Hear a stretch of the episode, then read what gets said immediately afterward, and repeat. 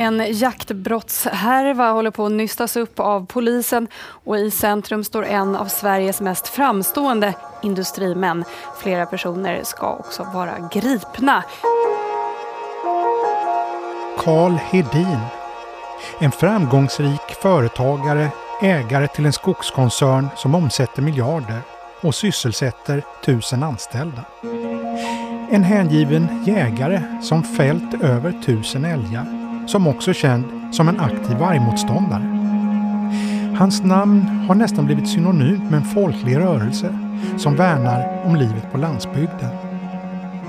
Han misstänks nu ha rollen som centralfigur i ett nätverk som håller på med illegal jakt av rovdjur. Han står också åtalad för att ha försett folk med gift som ska läggas ut i skogen. Hela åtalet vilar i mångt och mycket på en enda person. En kvinna som varit polisens huvudvittne. Sen har hon ändrat sin berättelse och sagt att hon hittat på allting. Och mitt i allt detta har hon blivit aktuell i en utredning som gäller beställning av ett mord. Hur blev Karl Hedin symbolen för en folkrörelse? Och vad säger han själv om anklagelserna? Det ska vi titta närmare på i det här avsnittet av Aftonbladet Krim. Jag heter Anders Johansson.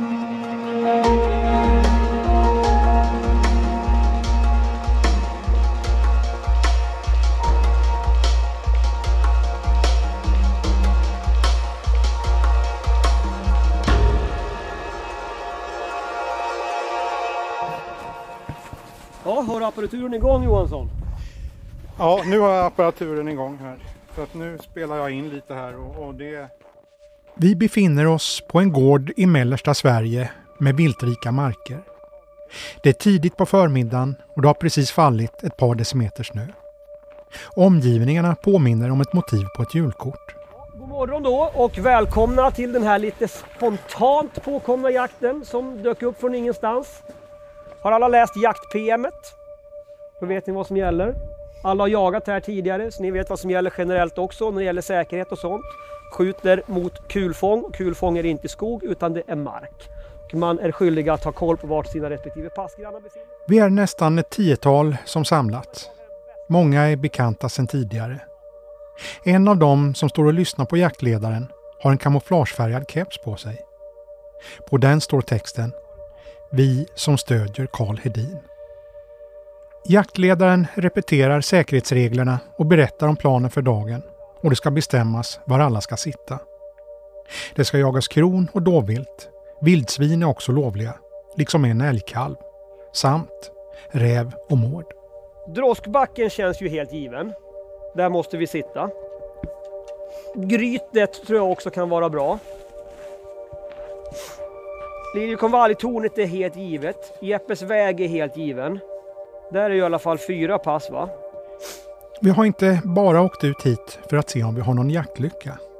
Nej, det främsta skälet har att göra med ett brottmål som engagerat mer eller mindre hela Jägarsverige. Jakthärvan, eller fallet Karl Hedin. Vi kommer tillbaka till det snart. När passen är fördelade för första såten, området som hundföraren ska gå igenom, tar sig skyttarna ut dit där de ska stå. De som har närmast kan gå till sitt pass. Andra får åka en bit med bil. Men det är tyst i skogen den här dagen och det blir återsamling med en gemensam grillning. Ja, jag tände här innan jag stack. Jag trodde det skulle stå sig lite bättre. Jag la på ved så in i helvete. Även om inget har fällts råder en glad stämning och det skrattas och skämtas mellan tuggorna. Efter den värmande maten är det dags för nästa såt och efter ett par timmar blåses jakten av för dagen. Vi får en stund med jaktledaren. Vad säger vi om dagen? Ja, dagens jakt är precis avslutad och eh, trots att vi har haft mycket spår efter dovdjur som känns relativt färska så har vi inte lyckats hitta några djur. Och vi misstänker kanske att de ligger och trycker någonstans i såten och att vi inte riktigt har kommit åt dem. Och Eh, lite av problemet har varit att vi har väldigt mycket rådjur som vi inte jagar idag. Så vi har inte vågat släppa hunden där vi har haft mycket rådjursspår. Och eh, då är det svårt att få loss dovhjortarna om de faktiskt ligger och trycker någonstans i såten. Och det här blev väl årets sista jakt med hund. Så nu återstår då att ut och smyga på dovhjortarna under en och en halv månad istället. Och eh, det ska vi nog kunna få till. Vi har lagt ut balar med mat nu som de brukar söka sig till när det börjar på bli kallt och vintrigt. Så vi har väl förhoppningen att kunna skjuta några dovhjortar i alla fall innan säsongen är slut. Ja, just det. Ja, eh, det är inte så att det finns varg på de här markerna? Eh, vi har faktiskt haft varg som har passerat här, ungefär en till två observationer per år. Det ligger ju ett revir här norr om som kallas för Sjunda om jag inte minns fel. Som de har stora problem med kring Gnesta, bland annat en fårbesättning som blev så illa däran att de slutade hålla får. Det är väl två år sedan tror jag. Och och eh, runt Tystberga som bara ligger någon mil härifrån har de ju varg som eh, har gått tidigare den här säsongen under oktober. Och eh, under den perioden så hade en bekant till mig som har mark i princip inga dovhjortar alls. Utan de var borta. Nu håller den vargen till kring Aspa som ligger inte så långt därifrån. Men vi har inte drabbats av den hittills under den här säsongen. Varför är det så att jägare särskilt verkar vara... Många jägare tycker illa om vargen? Bra fråga, men det ligger säkert lite grann i att det är ju om du har en mark där du har varg så har du otroligt mycket mindre annat vilt och det är ju det viltet som vi jagar så vargen är ju en konkurrent. Och dessutom så är ju vargen ett stort hot mot din jakthund. Så har du en mark med varg kan du ju inte släppa hund. Det är fullständigt omöjligt om du är rädd om din hund. Det pratas ju lite grann när vi, när vi grillade här eh, lite grann om Karl Hedin och det är rättegång snart men det verkar vara lite känsligt samtidigt, inte så många som vill prata öppet. För mig är det inget känsligt. Jag tycker att det här är en rättsskandal av stora mått mätt men jag är inte speciellt insatt egentligen. Jag har bara sett det som jag själv har läst på nätet så det är svårt att veta vad som är sant och inte så det är väl bara att invänta rättegången och se hur det slutar men jag har oerhört svårt att tro att han blir fälld. Och jag tycker det är anmärkningsvärt att man lägger så stora resurser från samhället på den här typen av frågor. Det är fan lägg resurserna när de behövs på mord och våldtäkter och annat elände istället. Det här är ett vansinnigt resurslöseri om du frågar mig. Det nämndes här vid samlingen också, någon nämnde här att Karl Hedin är personen person av det rätta virket. Vad menas med det? Jag känner ju inte honom så jag kan inte uttala mig om det men han, och jag, jag vet inte så mycket om honom heller. Men han är ju en person som eh, han har ett stort företag, han har mycket pengar, han har på sätt och vis mycket makt och han är inte rädd för att uttala sig. Han har ju varit obekväm i olika sammanhang och eh, från myndighetshåll så sticker väl det i ögonen. Så jag kan tänka mig att man vill sätta dit honom när man har chansen. Obekväm då? På vilket sätt menar du? Ja, han har ju drivit eh, den här frågan om varg och att landsbygdens överlevnad och så vidare. Och det är väl obekvämt i vissas ögon uppenbarligen.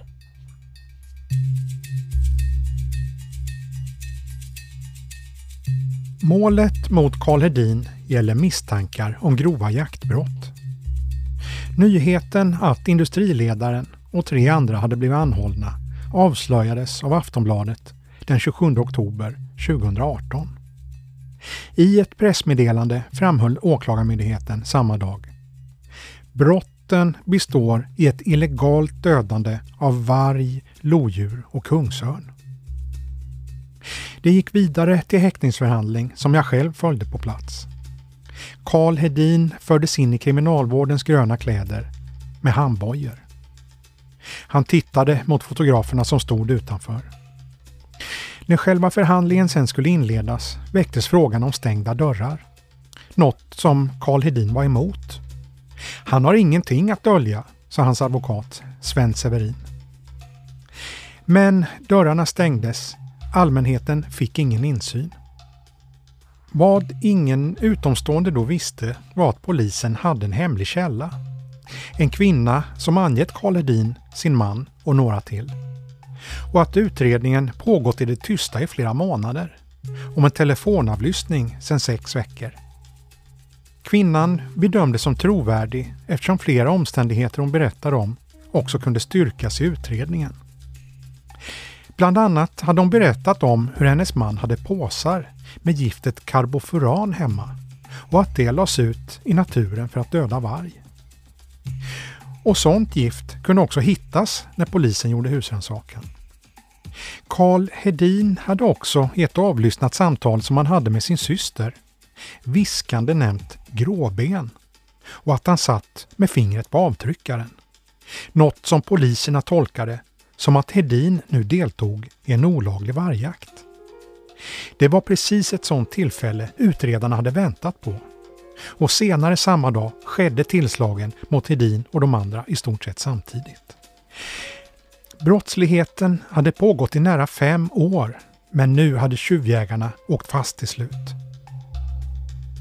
Tidigare hade gift hittats utlagt på Edins marker och även en död förgiftad räv samt en varg där det inte gick att säga något om dödsorsaken.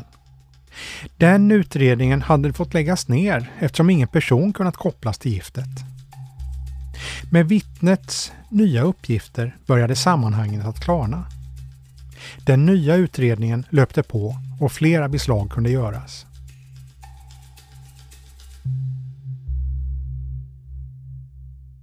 Men sen kom en plötslig vändning.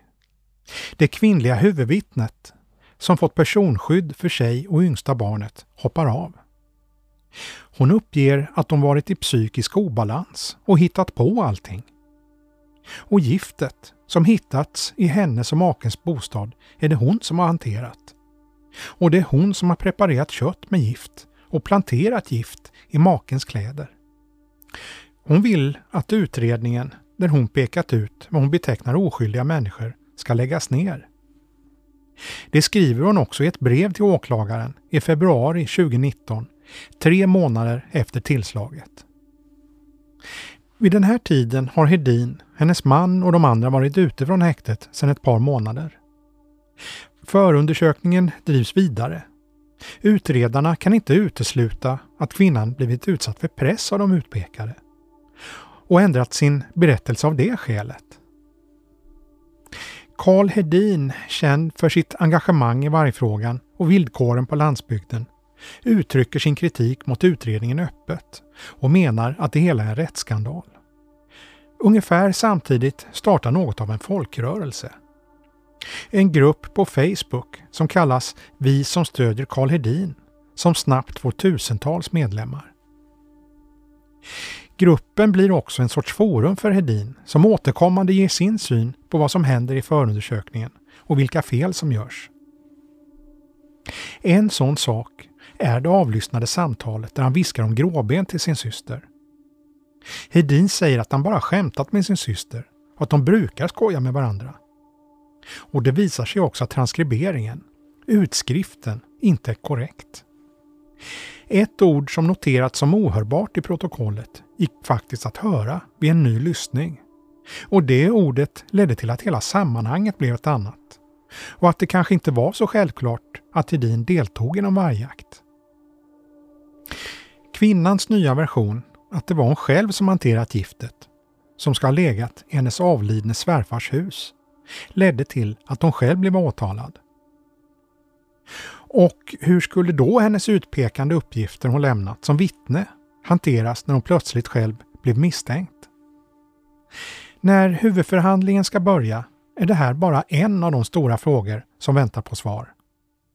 Den mest avgörande är kanske vilken historia hon kommer att hålla sig till.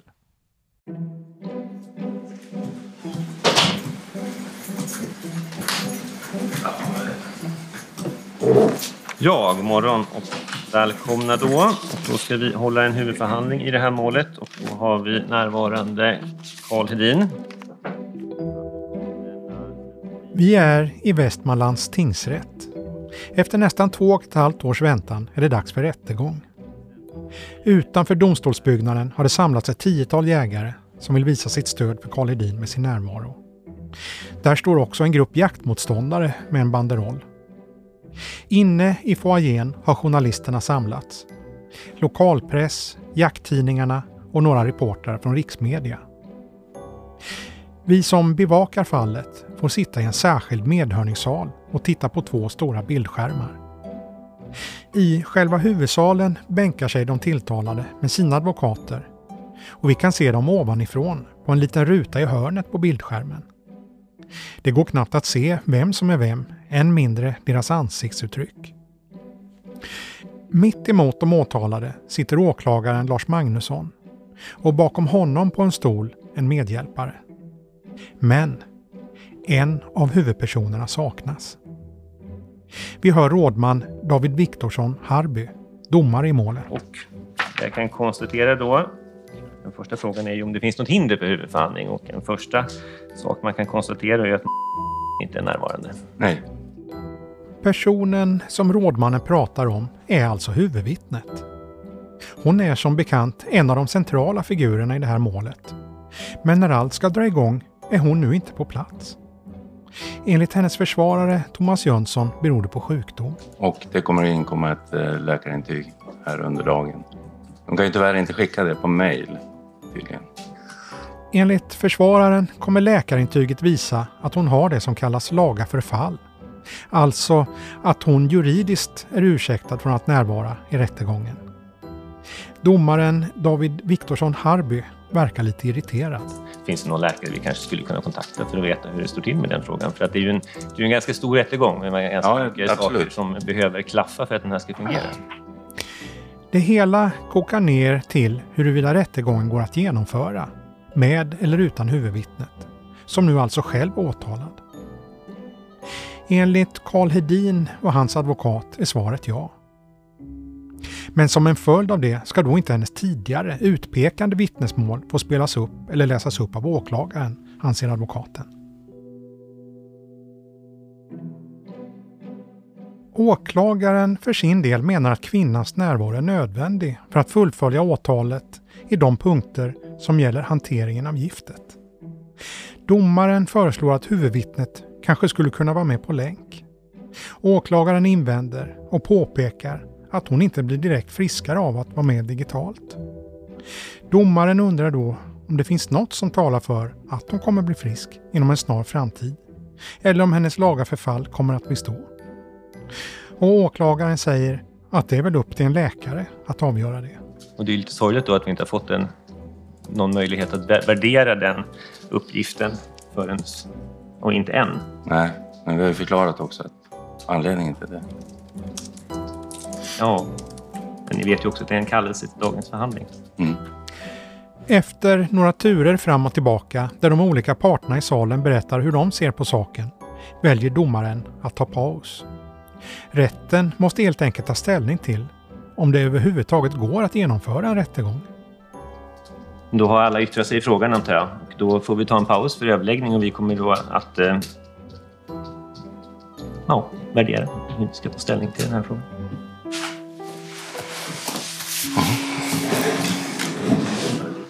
Ja, ja.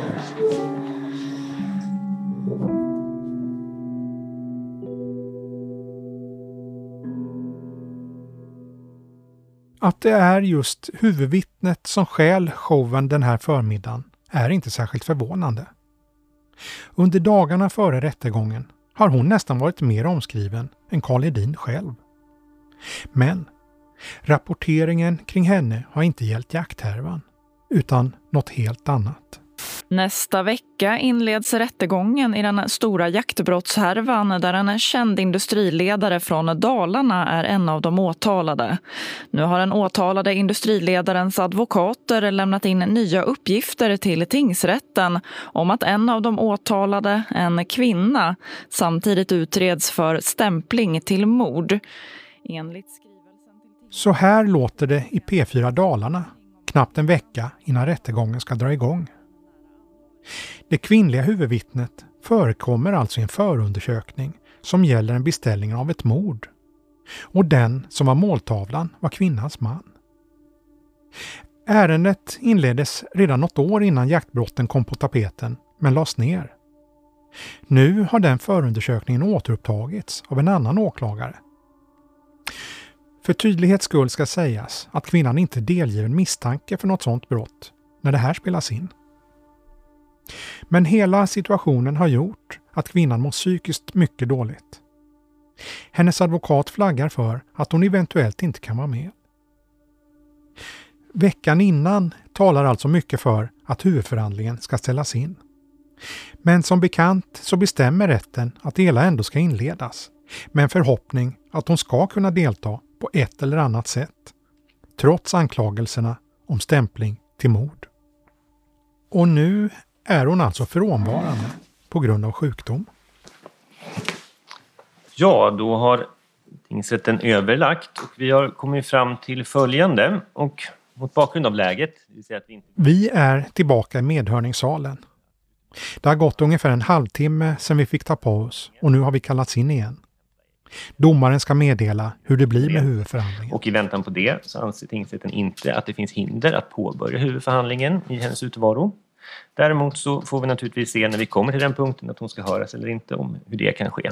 Om det kan ske på eh, kommer att ske genom telefon, videolänk eller på annat sätt om det här hindret har upphört då eller inte. Så, då får åklagaren börja. Vi fortsätter enligt plan helt Ja. ja. Det blir alltså rättegång. Ett besked som inte är glasklart för alla i salen. Ska vi förstå det som att hela förhandlingen är inställd? Nej, tvärtom. Tvärtom? Hela förhandlingen ska börja. Okej. Okay. Mm. Efter lite förvirring är alla på det klara med att rättegången inte kommer att skjutas upp. Huvudförhandlingen kan börja. Ja, den här eh, utredningen som eh, ligger till grund för åtalen här, eh, den initierades av att den tilltalade tidigt på våren 2018 tog kontakt och berättade om att hennes man samt flera andra var involverade i grova jaktbrott. Under timmarna som följer utvecklar åklagaren åtalet. Han visar beslagtagna kartbilder där vargobservationer har markerats. Hon berättade där att hennes man tillsammans med andra ägnade sig åt illegal rovdjursjakt i syfte att ta bort vargen eftersom den hämmade jakten med, eh, vid jakt på klövvilt med lös hund. Hon berättade om att det skulle finnas grupperingar som är omedvetna om varandra skulle se till att vargen utrotades. Och de här grupperingarna, grupperingarna var utspridda och att hjärnan bakom allt detta skulle vara Karl Hedin. Hon menade att Karl Hedin eh, som tidigt reagerade eh, negativt på vargetableringen i Västmanland engagerade delar av befolkningen i Norberg att ge sig ut på skogsbilvägar och kolla om de kunde göra observationer efter varg. Och det kunde handla om att se eh, efter om det i vägkorsningar eh, preparerade med krattad sand fanns fotav, eller tassavtryck av eh, varg. Detta skulle rapporteras in och syftet var naturligtvis att kartlägga var vargen befann sig. Och det är ju legitimt naturligtvis. Och eh, om det sker i, slut, eh, i anslutning till jaktsäsongen så är det förmodligen en bra försiktighetsåtgärd också. Han berättar om de tidigare giftfynden på Edins marker där man hittat den förgiftade räven och den döda vargen. Han beskriver Karl Hedin som en framgångsrik företagare och skicklig jägare som skjutit över tusen älgar. Han beskriver honom också som en välkänd motståndare till den vargpolitik som förs i landet. Och att engagemanget handlar om att göra landsbygden attraktiv. En sån sak är jakten. Och vargen stör jakten och sättet att leva som man är van vid på landsbygden. Och därför utgör vargen ett hot, framhåller åklagaren. Men den stora stridsfrågan mellan åklagaren Lars Magnusson och advokat Sven Severin gäller huvudvittnet. Ett huvudvittne som är själva anledningen till att det här överhuvudtaget hamnat i rätten, men som nu ändrat sig och meddelat att hon inte kan vara med. Åklagaren adresserar själv frågan tidigt i sin sakframställan. Som alla känner till här så har eh, varit ovillig att delta i den här utredningen. Och varför lägga då inte ut, ner utredningen när, när eh, hon är det viktigaste eh, bevismedlet så att säga i den här utredningen? Det ska snart visa sig att åklagarens främsta uppgift är att försöka visa att huvudvittnets berättelse stämmer. Oavsett om hon sedan har ändrat sig. För åklagaren handlar det med allt om att slå fast att hennes första berättelse är tillförlitlig genom att peka på hur annan bevisning ger stöd för den versionen. Åklagaren tar upp sak efter sak som, enligt honom, visar att hon talade sanning när hon vände sig till polisen första gången. En sån sak handlar om en påstådd vargjakt, ett datum i maj ett år. Som jag sagt tidigare så berättar ju den här eh, vargjakten i eh, Virsbo som enligt hennes uppfattning då skulle eh, äga, rum den, äga rum den 8 eller 9 maj. Eh, de är ju där tillsammans och eh,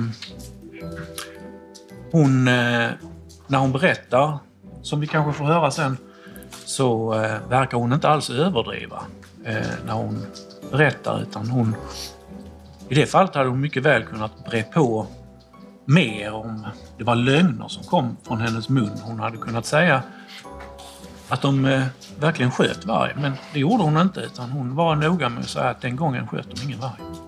Andra delar handlar om det gift som det här målet kretsar kring, karbofuran.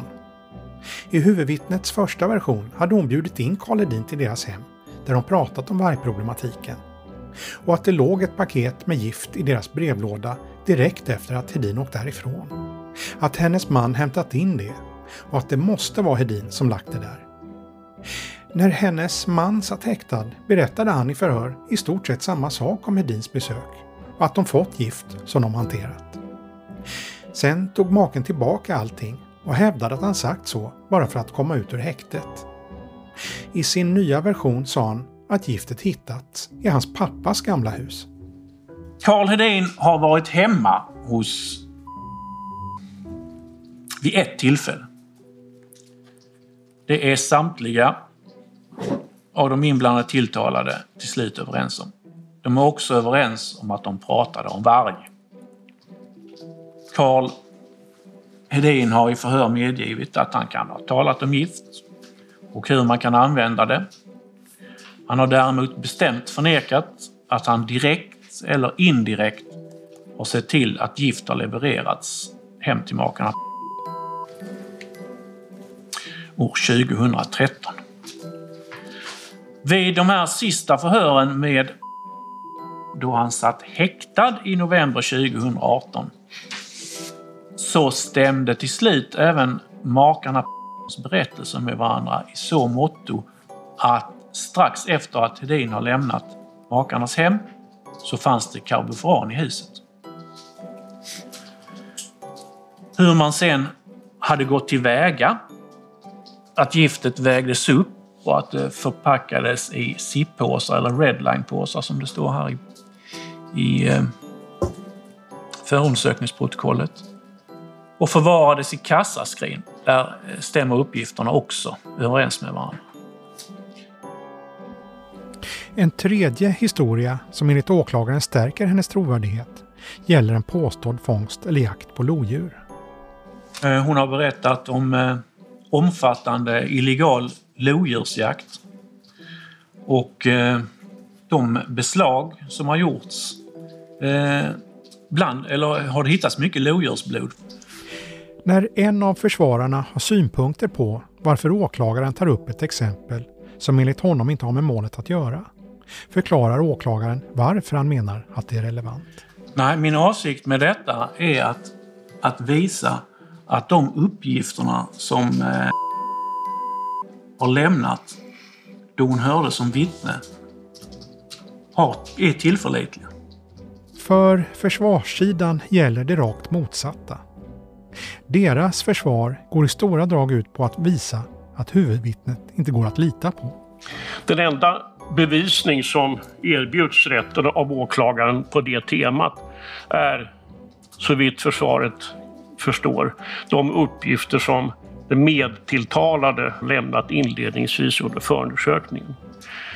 Det här är uppgifter som man har tagit tillbaka, det har vi hört här i, i, i åklagarens sakframställning, och vill inte stå för de här uppgifterna. Under advokat Sven Severins sakframställan återkommer han gång på gång till huvudvittnet och hennes trovärdighet.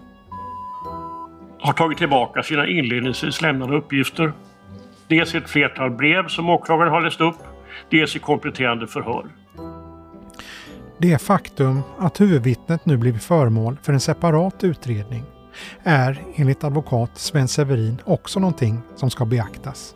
Och en nytillkommen omständighet är då slutligen att den här nya förundersökningen, eller att den gamla förundersökningen har upptagits nu med rubriceringsstämpling till mord. De avslutande orden i advokatens sakframställan håller sig till temat. Det är försvarets uppfattning avslutningsvis att uppgifter saknar all trovärdighet och tillförlitlighet.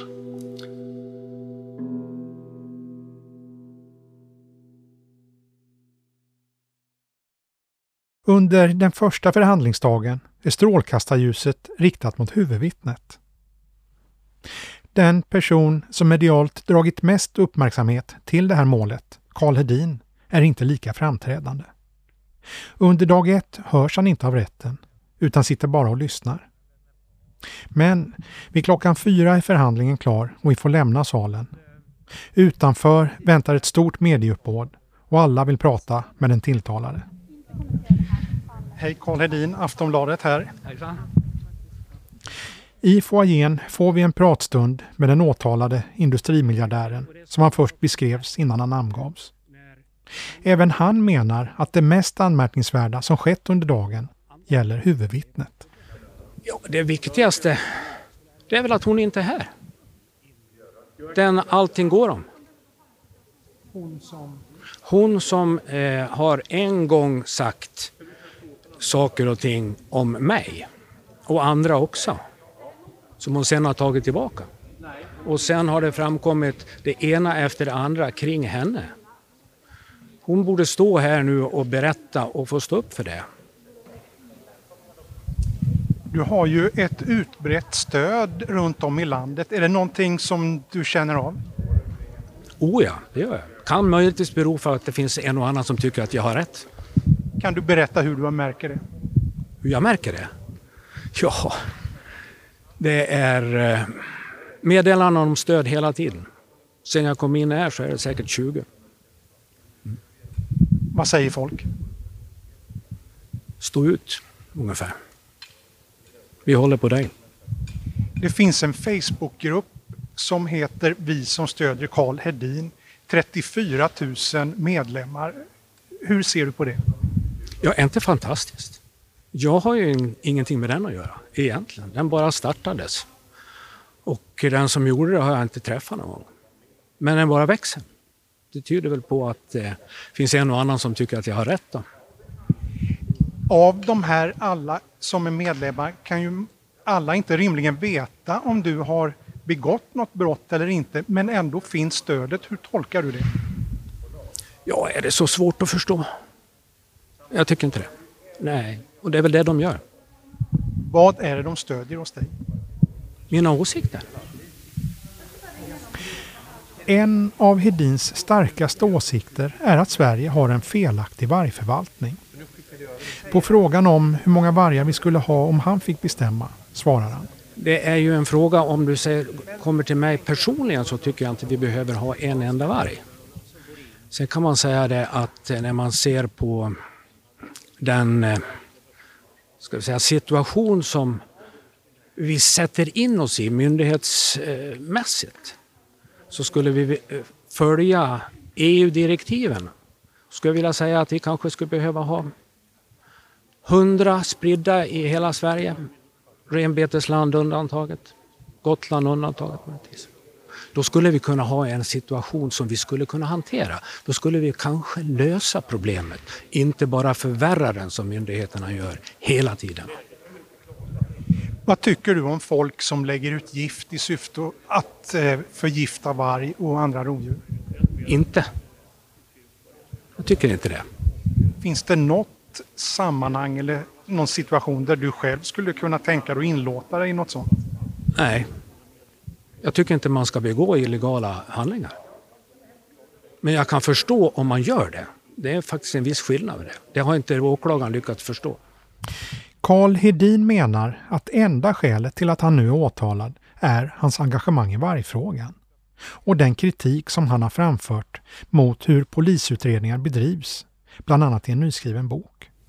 Ja, det är sen eh, vi skrev den där boken. Sen vi kan vi säga avslöjade Rema eh, åklagarnas system som heter straff före dom. Det är den ena. Och det är det jag upplever. Det vill säga du hittar på någonting och sen låter du en människa leva med det år efter år. Va? Det är rätt många som har gjort det. Kan du säga någonting om hur du upplever det här personligen? Nu ser jag ett helt annat allvar i din blick. Ja, det är klart. Jag har levt med det här i, i två och ett halvt år. Jag har inte fått jaga. Eh, de har bara tagit det ifrån mig. Och jag lever hela tiden då med frågeställningar och jag ska stå här och prata inför mickar hitan och dittan. Jag vill ju leva ett vanligt normalt liv.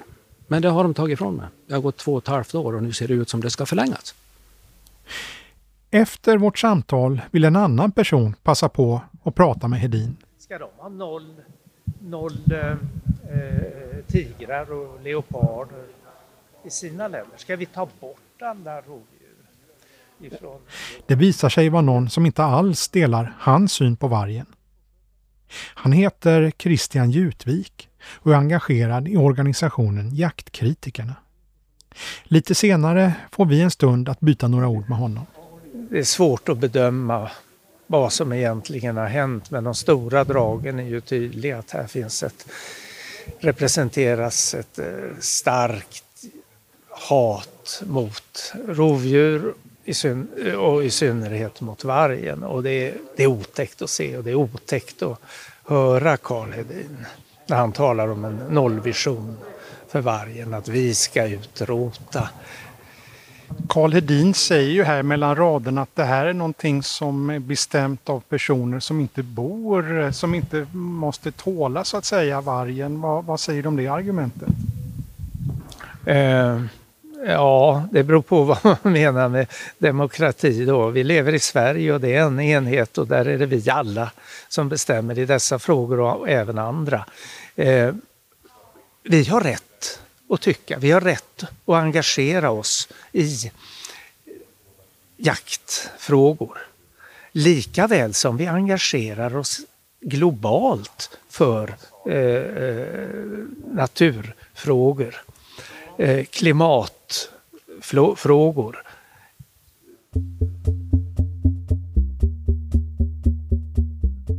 När det här spelas in återstår flera dagar av rättegången.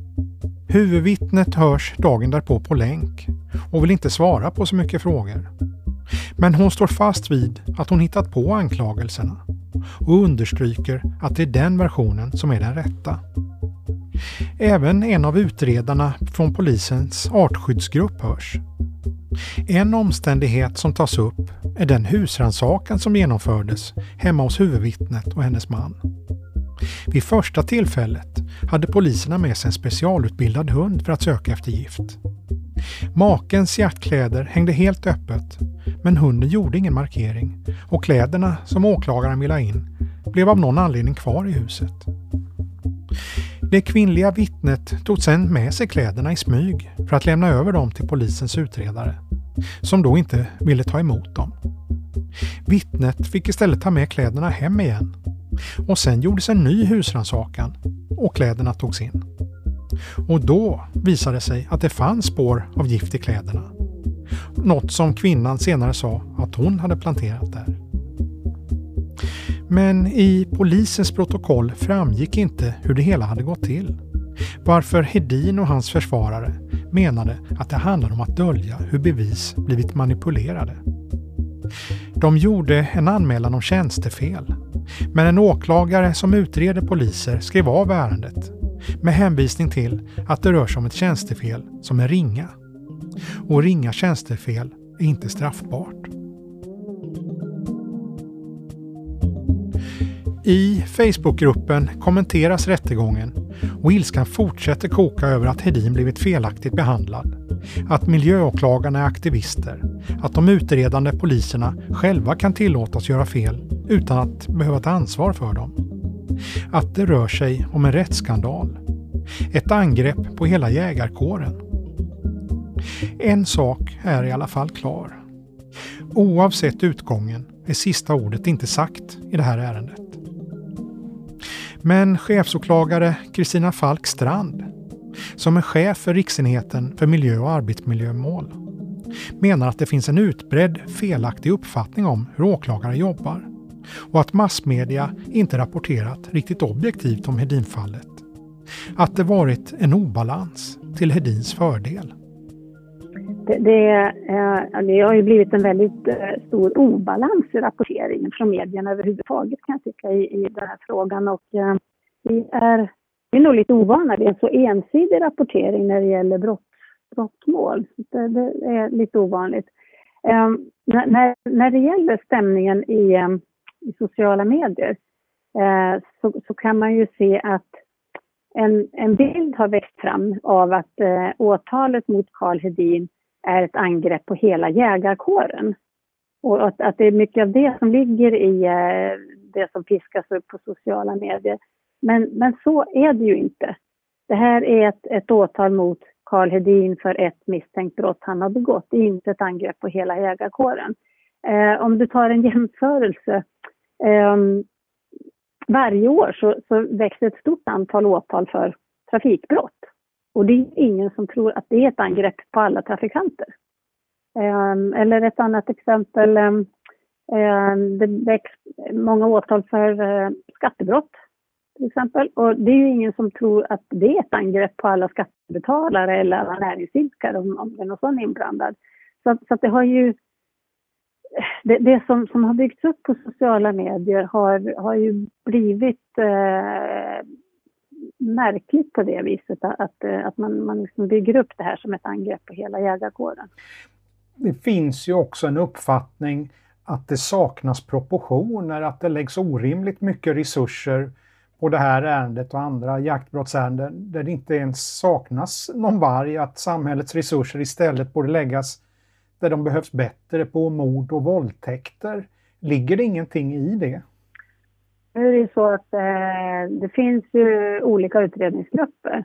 Så att de poliser som har arbetat med eh, det, det, här ärendet, de skulle ju ändå inte ha arbetat med mord och våldtäkter.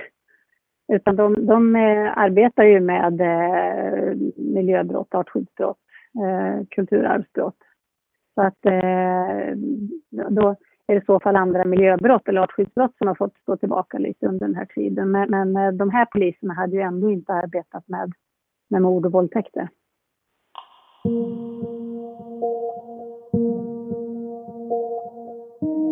Kristina Falk Strand betonar att sakfrågan inte handlar om huruvida man är för eller emot varg, utan om Karl Hedin har gjort sig skyldig till brott eller inte.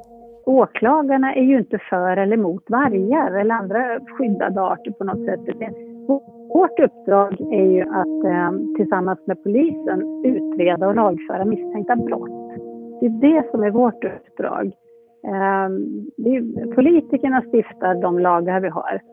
Eh, och eh, åklagarna är satta och har i uppdrag att, att arbeta med misstänkta brott.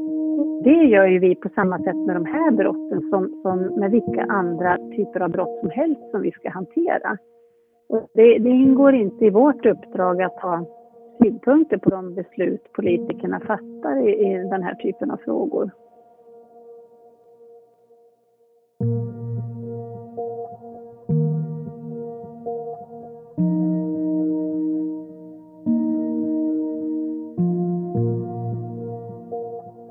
Du har lyssnat på ett avsnitt av podden Aftonbladet Krim. Klippen i programmet är tagna från Aftonbladet TV och Sveriges Radio P4 Dalarna. Jag heter Anders Johansson. Producent var Marcus Ulfsand.